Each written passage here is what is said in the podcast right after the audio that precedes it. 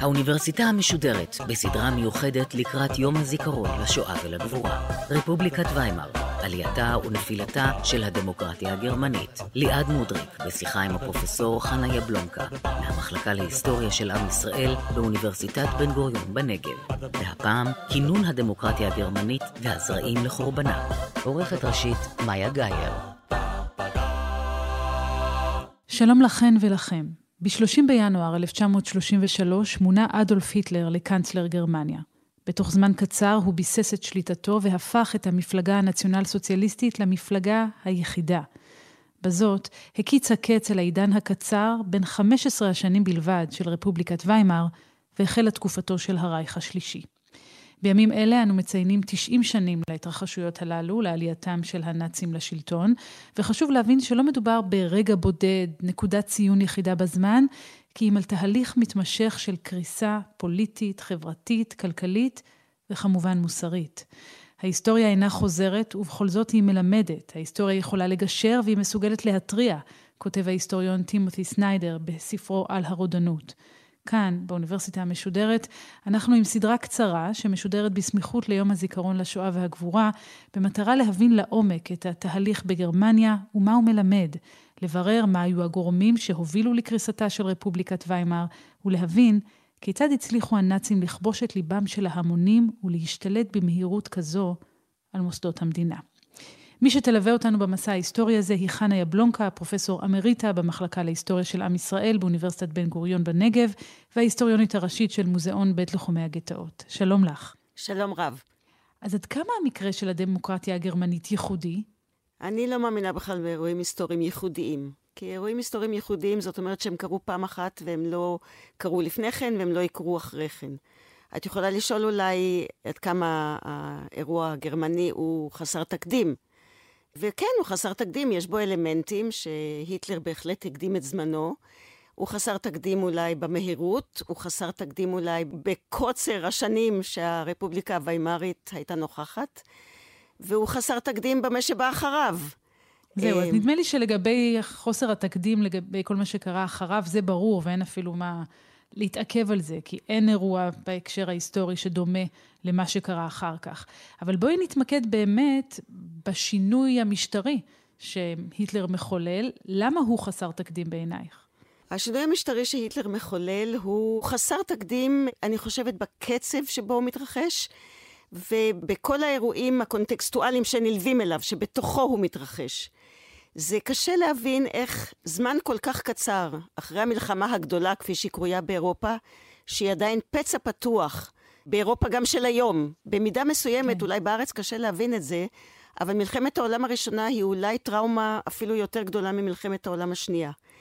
ותוך זמן קצר כל כך אחרי המלחמה הגדולה הזאת, שבה קיפחו את חייהם דורות של אה, צעירים אירופים מכל המדינות, פרצה מלחמת העולם השנייה. הזמן הקצר הזה בין שתי מלחמות כל כך גדולות וכל כך טראומטיות הוא בפירוש חסר תקדים, גם במובן של הנכונות האנושית להיכנס לסיטואציה ולא לנסות להבין מה היה אפשר לעשות, אולי, כדי למנוע אותה. אבל אני רוצה להתעכב רגע על מה שאמרת בתשובה לגבי היחס למלחמת העולם הראשונה והשנייה. תסבירי את ההבדל הזה מבחינת ההיסטוריה הגרמנית. מבחינת ההיסטוריה הגרמנית, מלחמת העולם הראשונה, גרמניה הייתה אחת מקבוצה שלמה של מדינות שבחמישים השנה שקדמו למלחמה, השתתפה בכל החטאים שהולידו אותה. אם זה האימפריאליזם, אם זה מרוץ החימוש, אם זה החסמים הכלכליים, אם זה סדרה של uh, הסכמים בין מדינות שהיו חשאיים ולפעמים סותרים ולפעמים רימו אחד את השני, כל אלה בעצם הובילו למלחמת העולם הראשונה, שהיא מלחמה בעיקרה, מלחמה, הייתי קוראת לה מלחמה אימפריאליסטית, שכל המדינות נגררו אליה כמעט בשמחה. בכל אשר תפני, תראי את תופי הטמטם והאושר שבו הצעירים האלה הלכו למלחמה, אנחנו נראה ואנחנו ננצח וכולי. מלחמת העולם השנייה היא מלחמה שחלק משורשיה נעוצים בתוצאותיה של מלחמת העולם הראשונה, אבל חלק ממנה מוגדר גם כמלחמה שבין אידיאולוגיות. אידיאולוגיות ענק, אידיאולוגיות שאחת לא יכולה לגור בכפיפה עם השנייה, ואשר על כן זאת מלחמה שסכומה הוא להיות או לחדול, מה שנקרא מלחמת קיום. במובן הזה מלחמת העולם השנייה שונה מהמלחמה הראשונה, כי שם יש גם אשם ברור ומובהק, וזאת גרמניה. גרמניה איננה אשמה במלחמת העולם הראשונה, בוודאי לא יותר משאר המדינות האחרות. כי כשאנחנו לומדים באמת בספרי הלימוד ההיסטוריים, אז מלחמת העולם הראשונה והתסכול הגרמני אחריה לא פעם מוצגים כאחת הסיבות לעלייתו של הנאציזם, אלא מה שהוביל למלחמת העולם השנייה. בוודאי, בוודאי. תוצאותיה של מלחמת העולם הראשונה הן רבות, אבל בהקשר של גרמניה אולי אפשר לתמצת אותן בשתי קורדינטות. קורדינטה אחת אה, שהולידה בעצם את סוג ההסכם ואת אופיו ואת הדרך אליו, והיא הקורדינטה של 14 הנקודות של הנשיא האמריקאי ווילסון, שבעצם mm-hmm. עשה סוג של ניתוח לסיבותיה של מלחמת העולם הראשונה, ומתוך זה אה, ניסה להוליד מה יהיה סדר העולם החדש שימנע את התופעה הזאת עוד פעם, ואני תכף אומר בעיקר לאיזה סעיפים אני מתכוונת.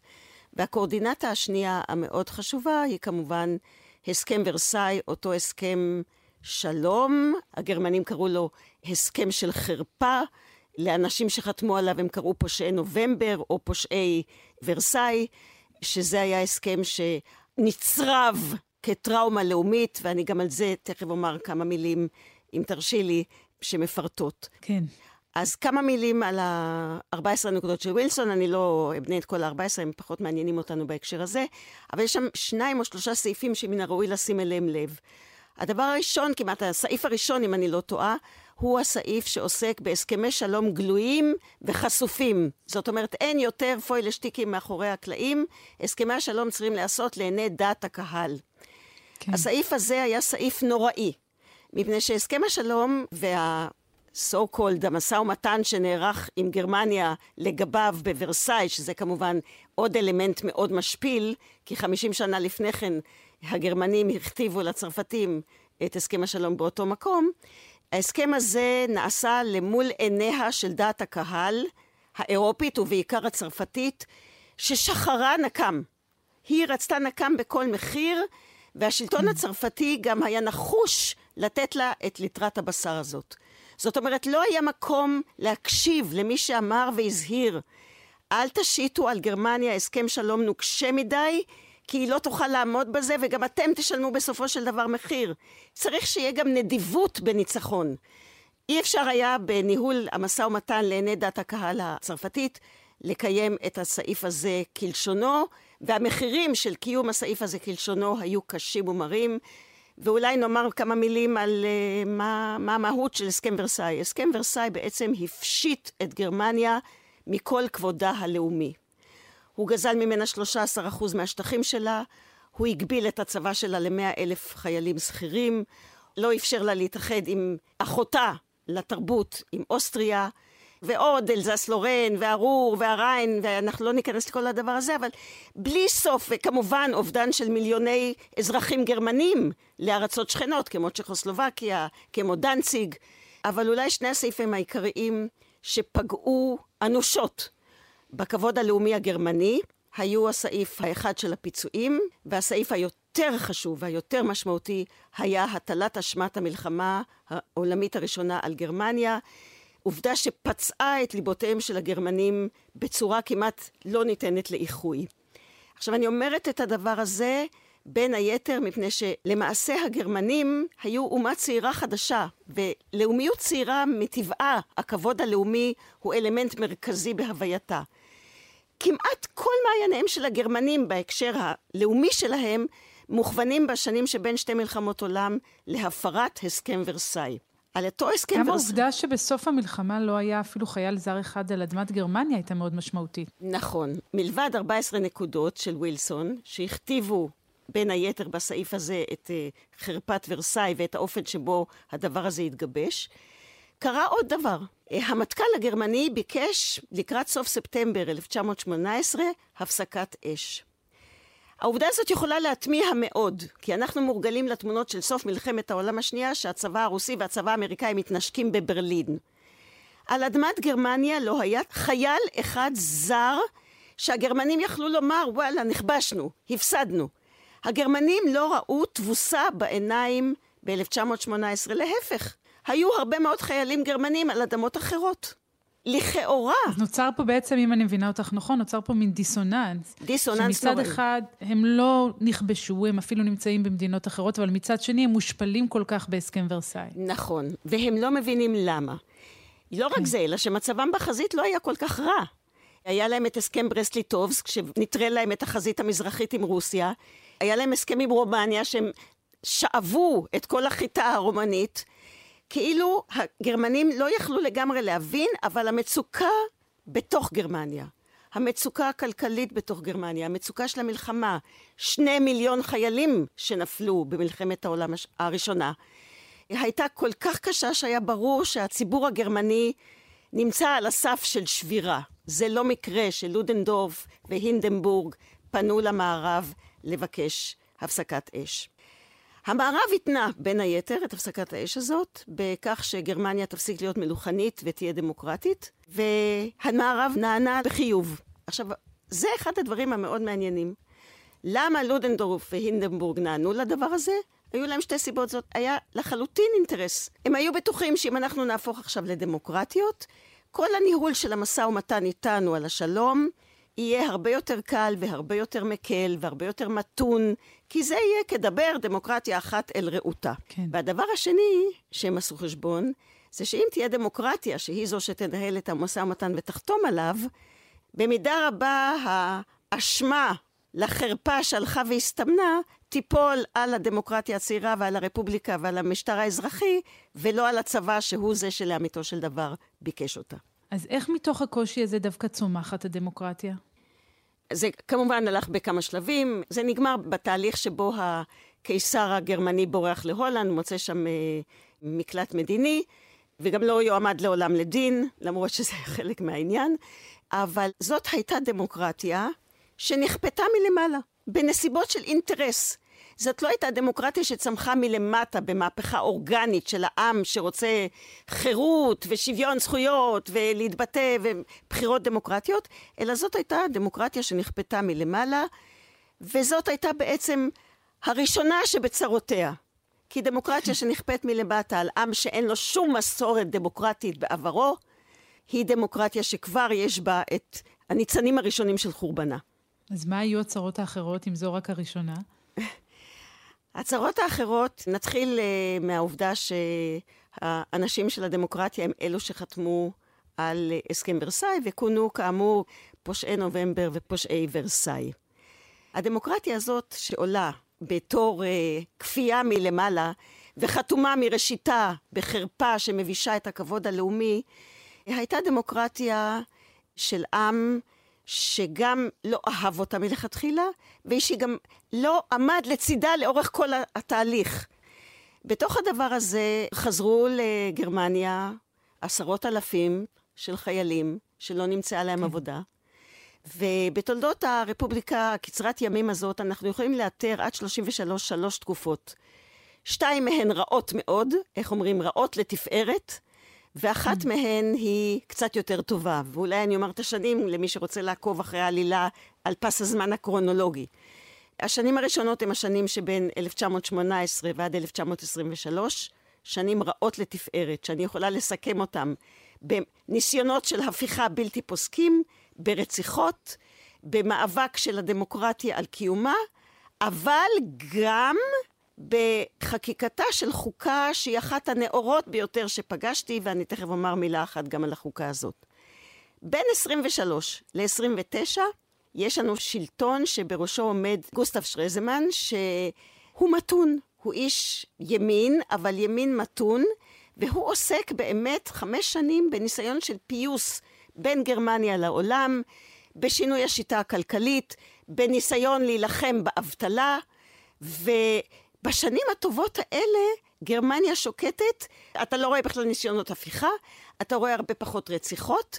נכון שבתוך התקופה הזאת גם קורה הפוטש של היטלר, אבל אחריו, ב-29, קורה האסון הגדול, האחד ששטרזנמן נפטר מהתקף לב בגיל 51, ובהצטלבות היסטורית, באמת חסרת מזל לחלוטין, זה מצטלב עם המשבר הכלכלי העולמי, ואז אנחנו נכנסים לתקופה השלישית בחיי הרפובליקה הוויימרית, שהיא התקופה הרעה מאוד, ונדבר עליה אחר כך על פי הסדר של אז הזמן. אז למעשה ממש שרטטת את המהלך שאנחנו הולכות לעבור כאן ביחד בשלושת הפרקים. אבל בואי רגע עוד נחזור לחברה הגרמנית של אחרי המלחמה. מה המיתוסים המכוננים שאחר כך גם ישפיעו על התהליכים האלה שאת מציירת בהמשך? יש שני מיתוסים מכוננים בסוף המלחמה. המיתוס האחד הוא מיתוס של תקיעת הסכין בגב הצבא הגרמני, והמיתוס השני הוא מיתוס החייל המת. ומיתוס תקיעת הסכין בגב הצבא הגרמני, היות והגרמנים באמת, כפי שכבר אמרנו, לא ראו חייל זר על אדמתם, הם לא נכבשו. כן. הם היו חייבים לספר לעצמם סיפור איך קרה. שיפתור את הדיסוננס. בדיוק, שיפתור את הדיסוננס, שייתן להם לחיות עם הדבר הנורא הזה, שריסק את כבודם הלאומי וגם ריסק את הבנתם לגבי מה שקרה פה. עכשיו, מיתוס תקיעת הסכין בגב הצבא הגרמני הוא מיתוס ששואל שאלה. איך יכול להיות שאנחנו פנינו להפסקת אש, כאשר בעצם לא נכבשנו ואין פה אף חייל זר בקרבנו? התשובה שנמסרת זה בעצם אנחנו לא הובסנו בשדה הקרב. מישהו תקע לנו סכין בגב של הצבא המופלא שלנו מבפנים. יש לנו אויבים מבפנים. ומהר מאוד הוגדרו האויבים האלה, ולא צריך לזרוק מיד את המילה יהודי. אז מה זה קומוניסטים? זה פציפיסטים. אוקיי. אה, למשל, אחד הבולטים שבהם הוא מי שעתיד להיות אחר כך בתקופה הזאת לזמן מאוד קצר, כי הוא יירצח, שר החוץ הגרמני, שזה ולטר רטנאו. ולטר רטנאו התנגד מאוד ליציאה למלחמה. הוא, אגב, ייצג קבוצה לא קטנה של פציפיסטים שחיו בגרמניה בין שתי מלחמות עולם. כמובן הקומוניסטים, הליברלים, המתונים. עכשיו, כל הדברים האלה זוהו מקדמת דנא, במידה רבה עם היהודים. כי העיתונות בברלין נמצאה בידי עורכים יהודיים, והעורכים היהודיים הרבה מאוד פעמים כתבו נגד מלחמה. הקומוניסטים, מה זה אם לא יהודים? בכל המקומות באירופה אחרי המלחמה, הקומוניסטים הבולטים היו קומוניסטים יהודים, אם זה בלקון בהונגריה, אם זה רוזה לוקסמבורג בגרמניה, אם זה לאון בלום בצרפת. הדבר הזה היה לא מופרך מאליו. ולכן מהר מאוד הקו המשותף למי שתקע את הסכין בגב הצבא הגרמני היה לאט לאט היהודים. הם אלה שתקעו סכין בגב הצבא הגרמני. הדבר השני זה מיתוס החייל המת. שני מיליון קורבנות זה כמובן מספר מזעזע, שמתו למען המולדת, שהקריבו את עצמם למען גרמניה האהובה שלנו, המאוחדת. צריך שהמוות שלהם תהיה לו גם בשורה ושתהיה לו גם משמעות. כל הדרישה הזאת למשמעות ולבשורה עוד התעצמה בגלל ההשפלה והפחד שהיו קשורים בחוזה ורסאי. ולכן חלק גדול מחייהם של הגרמנים בין שתי מלחמות עולם היה ההתבשלות האיטית הזאת בנקמה על התבוסה, בנקמה על ההשפלה, בניסיון להחזיר עטרה ליושנה, לגדולה של גרמניה מימי קרל הגדול, ולחדש את יפעתו של האתוס הלאומי. זאת אומרת, מטרות לאומיות קדושות, שהן אולי קדושות יותר מחיי הפרט, וזה שיח שהולך ומתגבר, והיטלר כמובן יביא אותו לשיאו. מן הראוי שאני גם אומר שהיטלר שומע את הבשורה על התבוסה, אה, כשהוא שוכב בבית חולים, הוא נפצע בעיניו מגז, הוא שומע את הידיעה על הבשורה, ליבו נשבר בקרבו, ולפי עדותו, זה היה הרגע שבו הוא החליט שהוא ילך לפוליטיקה. שזה מעניין, כי בעצם את מציירת כאן כל מיני סוגים של פערים. יש את הפער בין הסכם ורסאי לבין התחושה שלהם שאין אף חייל זר על אדמתם ושהם בעצם לא הפסידו. יש את הפער בין הגרמניה שהם רוצים להיות לבין הגרמניה שהם היום. יש את הפער בין התרומה האמיתית של היהודים קומוניסטים, פציפיסטים, את יכולה למחוק את המיותר, לבין מה שהם חושבים שהייתה התרומה שלהם להפסד הזה. ובתוך כל הפערים האלה נולדת רפובליקת ויימאר עם הרבה מאוד פגמים מובנים. נכון. אני אולי אומר את הדבר הבא, אם אני מסתכלת על תוצאות הבחירות הראשונות והשניות, אחת ב-1919 והשנייה ב-1920, כבר מסתמנת חלק מהבעיה. אתה פתאום רואה שהבסיס של הסוציאל דמוקרטים, שהייתה המפלגה שהייתה מזוהה יותר מכל עם הרפובליקה הוויימארית, אין לה בעצם בסיס תמיכה איתן בציבור. זה מתבטא גם בסיפור של ההפיכות שמנסים לעשות כנגדה בשנים הראשונות, וההישענות שלה על כוחות מהימין, במיוחד על הפרייקורפס, שזה חיילים משוחררים שעוזרים לה להשתלט על ההפיכות האלה, לא כל כך מאהבת מרדכי כמו משנאת המן, להילחם בקומוניסטים, אבל יוצרים ברפובליקה הזאת מן ההתחלה תלות מסוימת בכוחות ימניים. הדבר השני זה מה שיאמר הוגו פרויס, היהודי שכתב את החוקה של רפובליקת ויימאר. הוא אומר, אני דמוקרט עם רייך בכיס. ולזה הוא מתכוון שבעצם כל הכוחות המרכזיים בחברה הגרמנית נותרו בידי השמרנים והמלוכנים, אם זה הצבא, אם זה מערכת המשפט, אם זה האיגודים המקצועיים, אם זה התעשיינים הגדולים, כולם נותרו שמרנים ומלוכנים, ואני פה מנסה לעשות ולהחיות דמוקרטיה בתוך הדבר הזה. וגם בתוך החוקה שהוא כתב, הוא לא ידע, הוא לא התכוון, אבל גם בתוך החוקה שהוא כתב, היה מוקש קטן, שלימים התברר שהוא מאוד גדול, וזה סעיף 48 בחוקה, שמאפשר לנשיא להכתיב חוקי חירום כדי לשמור על הדמוקרטיה מפני אלה שמנסים להתנכר לה, או לפגוע בה. כלומר, בעצם נותן לרשות המבצעת כוח שעולה על זה של הרשויות האחרות, המחוקקת נכ... או השופטת. נכון מאוד. והוא לא לקח בחשבון שייתכן, ומי שירצה להתנכל לדמוקרטיה הגרמנית, דווקא יברך אותו על אותם חוקי חירום, וחוקי החירום יהיו לצנינים בעיניו, הוא גם ינצל אותם כדי לפגוע בדמוקרטיה הזאת עוד יותר. כן. בואי נחזור באמת לשנות ה-20 בגרמניה וננסה להבין מה מאפיין אותן גם מעבר למה שדיברנו עליו עד עכשיו. על כלכלה אני רוצה לדבר, כי זה כמובן אלמנט מאוד חשוב. בשתי התקופות הקשות, אחד הדברים הקשים זה כמובן המשבר הכלכלי. יש המשבר הכלכלי הראשון של השנים עד 23, שהוא קשור גם לפיצויים, ולימים היסטוריונים גם יגלו שהוא היה במידה רבה יזום. על ידי הממשלה, כי אחרת אי אפשר להבין איך שטרזמן הצליח לפתור את הבעיה הכלכלית בתוך פחות משנה שהוא היה בשלטון. וכמובן, אחד הדברים הקשים מאוד זה בעיה של מיליוני מובטלים, שרובם חיילים, מתוסכלים, מיואשים, שאינם רואים כלל עתיד. זאת אומרת, משבר כלכלי שמלווה במשבר פוליטי, שמלווה בממשלה שאף אחד בגדול איננו אוהד אותה, וזה נכון שליהודים הממשלה הזאת הייתה ממשלה מאוד טובה, כי היא אפשרה להם מוביליות חברתית כפי שלא התאפשר להם עד אז, ואולי צריך לומר את המשפט הזה, שהזהות הלאומית הגרמנית היהודית עוצבה במאבקם של היהודים לאמנציפציה בגרמניה, והנה הם הגיעו לתור הזהב. מלבד הנושא הכלכלי, גרמניה יש בה היבטים תרבותיים של התקופה הזאת. התרבות הגרמנית בין שתי מלחמות עולם, במיוחד עד 1933, היא פורחת. אם אני אזכיר את המוזיקה, אם אני אזכיר את ברטולד ברכט, אם אני אזכיר את ארנולד שönברג, התרבות הגרמנית פורחת, הקברטים, חיי הלילה בברלין, כל מה שאנחנו מכירים מהסדרה "אני מצלמה", hmm. שהופיע אחר כך בסרט בתור קברט.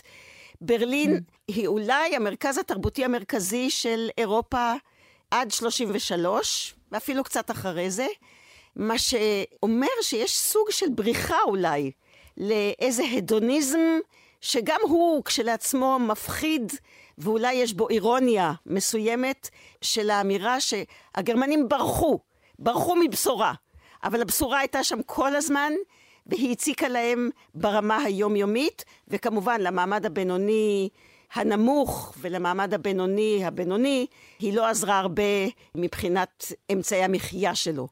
אבל הייתה סצנה תרבותית פורחת. ולתוך הסצנה הזאת, עם הפערים שלה, עם גם פערי המעמדות, שהנה הוספת לנו עוד פער לפערים שציינו קודם במהלך השיחה הזו, נכנס הנאציזם. כן. אה, הוא לא נכנס כל כך מהר. היטלר כאמור יוצא מהמלחמה ומבית החולים בהחלטה נחרצת להיכנס לפוליטיקה, וכבר ב-1920 הוא מקים את מפלגת הפועלים, שרוב השקפותיו נמצאות שם במצע של המפלגה הזאת. בתוכו יש גם אלמנט חזק מאוד, כמובן, של שנאת היהודים, ושנאת הליברליזם, ושנאת הקפיטליזם, והשם הזה, נציונל סוציאליזם, שלכאורה בתוכו יש דבר והיפוכו, כי הרי הרעיון הסוציאליסטי הוא נגד הרעיון הנציונליסטי, אבל הם אצלו hmm. מחוברים.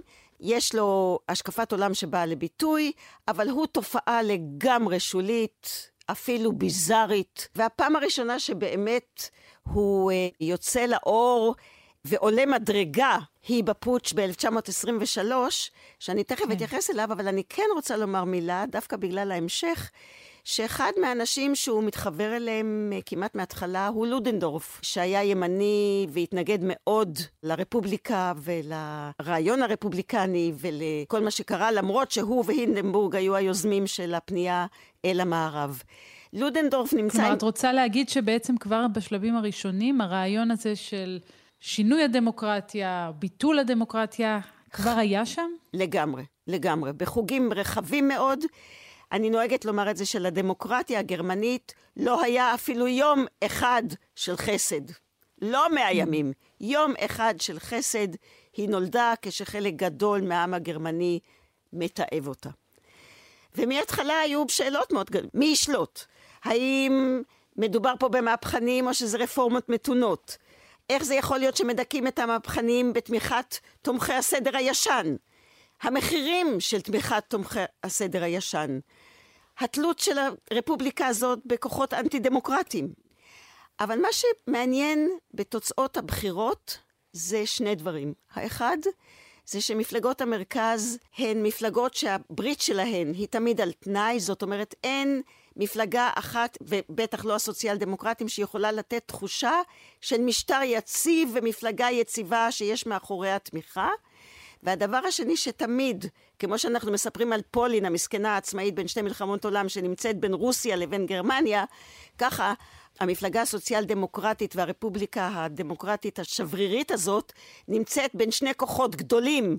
האחד זה הימנים והשמרנים, והשנייה זה הקומוניסטים, ושניהם אינם אוהבים אותה.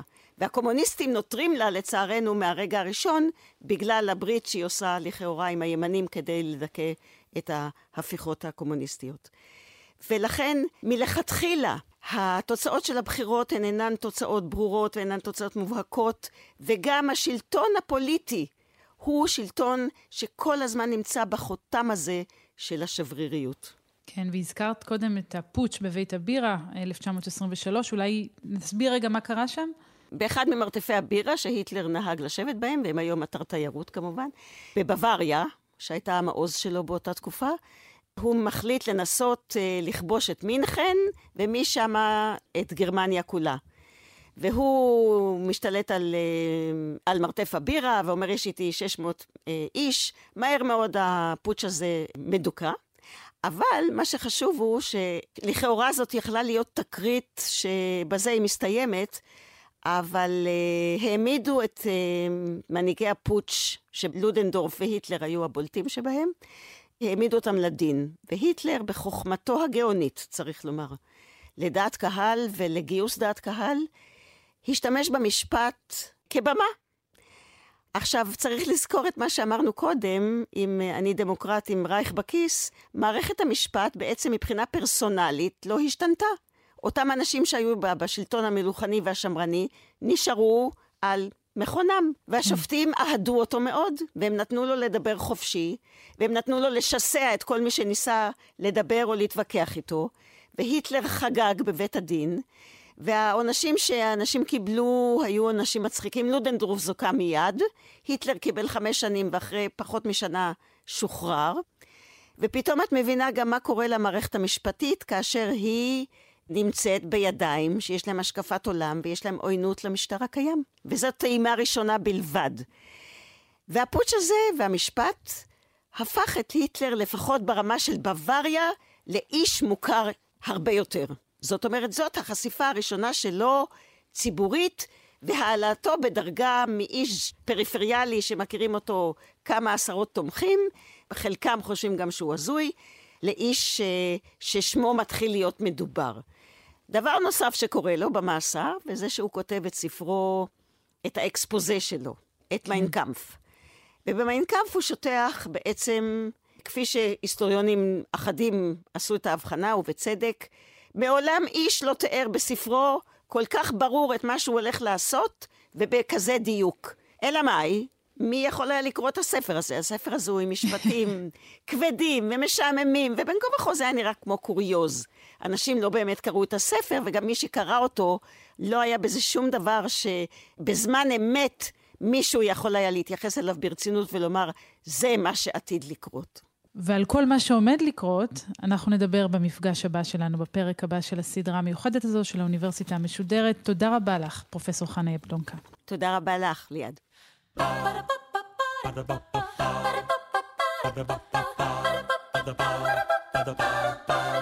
Ba-ba-ba-ba. האוניברסיטה המשודרת בסדרה מיוחדת, רפובליקת ויימאר, עלייתה ונפילתה של הדמוקרטיה הגרמנית. ליעד מודריק שוחחה עם הפרופסור חנה יבלונקה מהמחלקה להיסטוריה של עם ישראל באוניברסיטת בן גוריון בנגב על כינון הדמוקרטיה הגרמנית והזרעים לחורבנה. עורכת ראשית, מאיה גאייר. עורך ומפיק, אביתר נכון. ביצוע טכני, הילי דרעי ואורי דהן. האוניברסיטה המשודרת, בכל זמן שתרצו, באתר וביישומון גלי צה"ל ובכל בכל מקום בו אתם מאזינים להסכתים שלכם.